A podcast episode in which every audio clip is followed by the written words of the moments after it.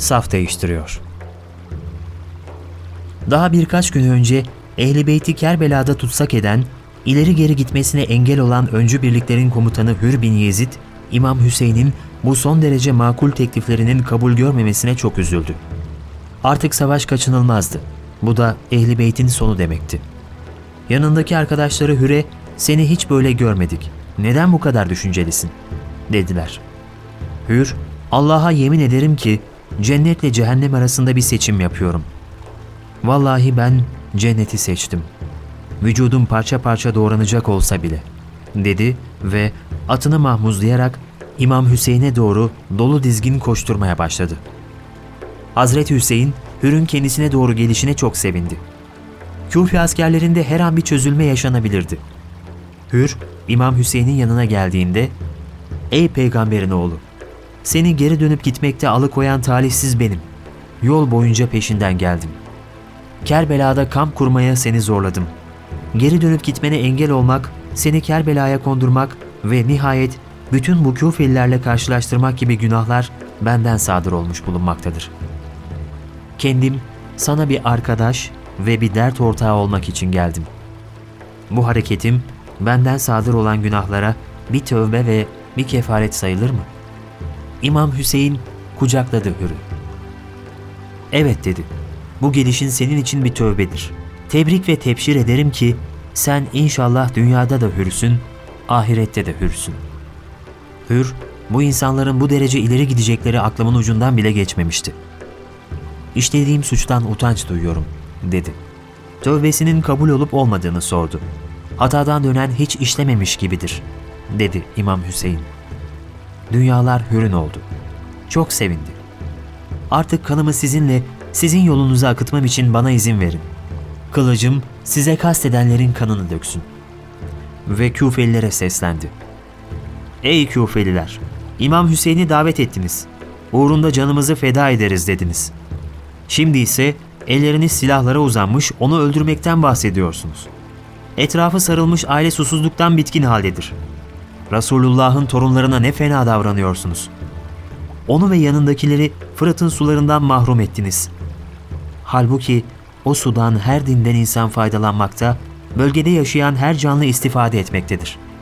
Eğer tövbe edip bu durumdan vazgeçmezseniz bir damla suya muhtaç olunacak mahşer gününde Allah size su vermesin.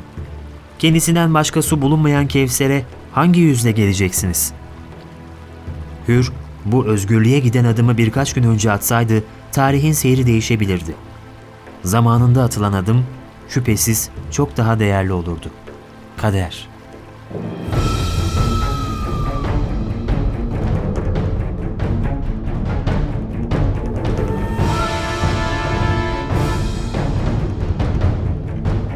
Hazreti Hüseyin arkadan gelip çadırlara sızmamaları için çukurlar kazdırdı. Çadırların etrafına bolca odun ve kamışlar yığdırarak ateş yakmalarını emretti. Askerlerini savaş düzenine koydu. Hepi topu 32 atlıyla 40 piyadeydiler.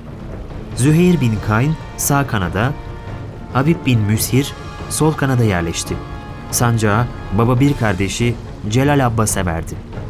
Bir avuç insan 5000 kişilik koca bir orduya karşı çadırların önünde etten kemikten kale kurdular. Ehli Beyt sayıca azdı ama haklıydılar. Masumdular. Yezid taraftarları çoktular ama haksızdılar, zalimdiler. Biri üzerimde borç var deyince Hazreti Hüseyin üzerinde borç olanlar benimle çarpışmasın dedi. Çarpışmak için ilk meydana çıkan Vali Ubeydullah'ın azatlısı oldu. Abdullah bin Temimi onu karşıladı ve öldürdü. Kıyamete kadar hiç bitmeyecek olan zalime karşı savaş böylece başlamış oldu. Hür izin istedi ve daldı atıyla Kızılca kıyametin içine. Zühir ile birlikte sırt sırta omuz omuza vererek Kufe ordusunun en kalabalık birliğine karşı şiddetli çarpışmalar yapıyorlardı. Biri Kufe ordusuna dalınca diğeri onu arkasından kolluyor, diğeri dalınca öteki kolluyordu. Kufe piyade birlikleri Hür'ün üzerine üşüştüler ve onu şehit ettiler. Kanıyla suladı kızgın kumları. Savaştan sonra vücudunda 26 mızrak ve 34 kılıç yarası saydılar. Ehl-i Beyt sevdalarından Nafi bin Hilal ok atmasıyla meşhurdu. okun ucuna zehir damlalarıyla ismini kazıdı. O zehirli oklarla Kufelilerden tam 12 kişiyi öldürdü. Sonunda vuruldu. İki kolu kırıldı ve esir edildi. Ömer bin Sad'ın yanına götürdüler. Kollarının ikisi de gövdesine tutulan iki kırık dal gibi sarkıktı. Yüzünden akan kanlarla sakalı sırılsıklandı. Üst baş parçalanmış, her tarafına kumlar dolmuştu. Ömer onun o perişan halini görünce yazık ettim kendime, ey Nafi dedi. Aslan yürekli yiğit, Rabbim benim ne yapmak istediğimi biliyor. Vallahi sizden 12 kişiyi öldürdüm. Bir o kadarını da yaraladım. Kendimi kınamıyorum. Eğer benim bir kolum sağlam kalsaydı beni kolay kolay esir edemezdiniz, dedi. Şimir şeytanı komutan Ömer bin Sa'da öldür şunu konuşturma dedi. Ömer sert çıktı ona. Onu sen getirdin sen öldür. Şimir Nafi'nin kırılan kollarını dirseklerinden kesip köpeklere atın. Sonra da ayaklarından kazıklara bağlayın. Başını koparmadan önce akşama kadar inlemesini dinleyin. Karşısında kase kase su için. Su isterse ağzına kum doldurun. Ölünce de başını kesip çadırımdaki sandığa koyun, dedi. Öyle yaptılar. Nafi güneşin bağrında akşama kadar inledi. Şimir defalarca atıyla üzerinden geçti. Kaburgalarını ezdi. Gün gruba giderken yiğitler yiğidi Nafi can verdi. Komutan Ömer bin Sad'ın da ağırdan almasıyla harp neredeyse teke tek vuruşmalarla ağır bir tempoda sürüp gidiyordu. Bu durumdan herkesin sıkılmış olduğunu o da anlamış olmalı ki sancağını getirmesi için azatlı kölesi Zeyd'e seslendi. Köle sancağı getirdi. Şimir elinde sancakla ilerledi ve harbi kızıştırdı. Bir anda kızılca kıyamet koptu. İmam Hüseyin'in 23 süvarisinin topluca atları vuruldu. Hepsi yaya kaldılar. Etrafındakiler birer ikişer şehit oldukça öldürücü ok ve kılıç darbeleri İmam Hüseyin'e uzanıyordu. Bir ara Şimir şeytanı yanına birkaç küfeli asker ve elinde ateşle sinsice sokularak çadırları yakmak istedi. İmam Hüseyin hemen oraya birkaç adamını gönderdi. Şimir ve adamları ellerindeki ateşi atarak kaçtılar. Çadırlar tutuşmadan ateş söndürüldü. İmam Hüseyin Şimir'in arkasından seslendi. Ey Şimir! Sen benim çadırımı ev halkımla birlikte yakmak için ateş getiriyorsun. Allah da seni cehennemde yaksın. Hangi kitapta yazıyor? Kadın ve çocuklara saldırıldı. Vahhab ve eşi Rabia da Küfe'den koparak Kerbela'ya katılanlardandı. İmam Hüseyin'in Küfelilere gönderdiği son elçi Kays'ın şehadet haberini o getirmişti. Vahhab o gün kahramanca savaştı. Sonunda o da aldığı kılıç darbeleriyle kızgın kumların üzerine düştü. Rabia, kocası Vahhab'ın yerde kanlar içinde yattığını görünce fırladı çadırından. Eşinin tam üzerine eğilmişti ki bir ok gelip saplandı sırtında. Kadın bir ah dedi ve yıkıldı kocasının üzerine. Kerbela'nın tek kadın şehidi başını sessizce kocasının göğsüne bıraktı. Yeni evlenmişlerdi.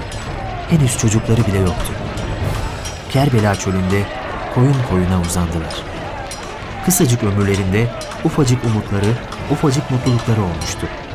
Sevgiyi, aşkı, vefayı, her şeyi o kısacık birlikteliklerinde yaşamışlardı. Ehl-i Beyt sevgisi onlar için her şeyin ötesindeydi. Şimdi kökleri ve gövdesi o topraklarda olan ama dalları bütün bir dünyaya yayılan o ağacın altında ebedi uykularındalar. Müşriklerin kadın ve çocuklarına bile dinen saldırmak yasaklanmış, aklen kötü görülmüşken bir Müslüman kadın hakkında bu çirkin muamelenin yapılması bazı Küfelilerin kalbinin ne kadar kararmış olduğunu gösteriyordu. Abis bin Ebi Şebib, Hazreti Hüseyin'e ''Ey Ebu Abdullah, vallahi yeryüzünde yakın veya uzak bana senden daha üstün, daha sevgili bir varlık yoktur. Eğer sende zulüm ve ölümü kaldırmak için kendimi ve kanımı feda etmekten daha üstün bir şeye malik ve kadir olsaydım, sana onu da feda ederdim. Selam olsun sana, ey Ebu Abdullah. Ben şehadet ederim ki sen de doğru yoldasın, baban da doğru yoldaydı. Dedikten sonra Yezid'in ordusuna doğru saldırıya geçti.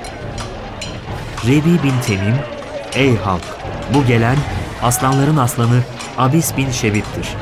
Sakın ona karşı hiçbiriniz varmasın, dedi. Abis, yok mu adama karşı çıkacak bir adam? diye haykırdı. Ömer bin Sa'd onun taşa tutulmasını emretti. Her taraftan taş yağmaya başladı. Abis bunu görünce sırtından zırhını, başından miğferini çıkararak Küfelilerin üzerine saldırdı. 200'den fazla sırtlan sürüsünü önüne katıp kovaladı. Nihayet her tarafından kuşatıldı. Çarpışa çarpışa şehit oldu. Güneş, arz üzerinde gezinenleri yakıp kavurma telaşındaydı. Üç gündür suya hasret canlar, hele de çocuklar iyiden iyiye Kerbela toprağına belenmişlerdi. Her biri kuruyup damar damar çatlamak üzereydiler. İmam Hüseyin'in büyük oğlu Ali Ekber yerinde duramıyor, bir an evvel Kerbela meydanına atılmak istiyordu. Fakat ne zaman izin istese babası ona ''Dur, benden sonra'' diyordu. Ali Ekber, ''Baba, ben senin gözlerim önünde öldürülmene dayanamam.'' diyordu.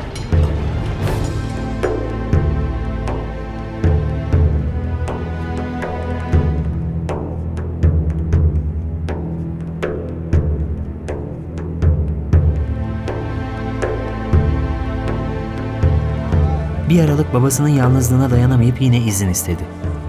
Ali Ekber'in sümbül gibi saçları, lalezara benzeyen yanaklarını gölgelendirmede, ilk gençlik yazısı lal dudaklarının üstüne henüz çizilmedeydi.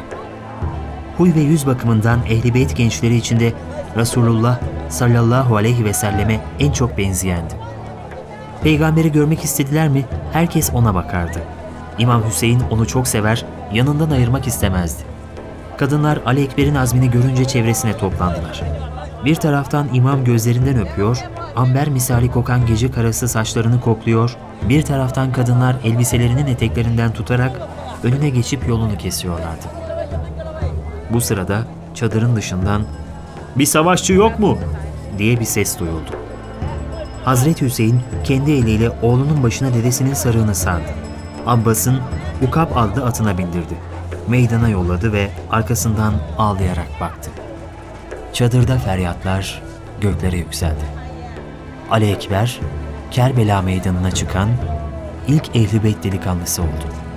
İmam Hüseyin, Allah'ım sen şahitsin. Özü, yüzü ve sözü itibariyle dedeme en çok benzeyenini meydana saldım. Peygamberi özledik mi ona bakardık dedi ardından. Ali Ekber gece kadar siyah atının dizginlerine asıldı. Atının ön ayakları yerden kesildi. Sanki göklere uçuyordu. Kılıcını kınından sıyırdı. Çöl sabahının taze ışıklarında parıldadı kılıç. Ben Ali bin Hüseyin bin Ali Yül Mürteza'yım diye kükreyişi Kerbela sahrasında yankılandı. Küfelilerden biri onu eman dilemeye davet etti. Sen müminlerin emiri Yezid'in akrabası olduğun için bu akrabalığı gözetmek istiyoruz. İstersen seni öldürmeyelim, eman verelim, dedim. Ali Ekber, Resulullah Aleyhisselam'la olan akrabalık gözetilmeye daha layıktır. Kabe'nin Rabbine yemin olsun ki biz Allah'ın Resulüne Şimir'den, Şebes'ten ve babası belirsizin oğlundan yani Küfe valisi Ubeydullah daha yakın ve daha önceyiz. Diyerek adamın üzerine saldırdı. Kufi askerleri her taraftan kuşattılar onu. Kimse ona vurmaya kıyamıyordu. Ali Ekber, dedesi İmam Ali'nin adını taşıyordu. Güzeller güzeli bir yiğitti. Yüzü, gözleri, saçları, davranışları tıpkı peygamberimizdi. Ona kalkan kılıç sanki Resulullah'a kalkıyor gibi geliyordu herkese. Kimse onu öldürmek istemiyordu. Nice zaman sonra Mürre adında bir melun onu mızrakla yere düşürdü. Hazreti Hüseyin yetişti. Ali Ekber'ini bağrına bastı. Gözleri gülümsüyordu.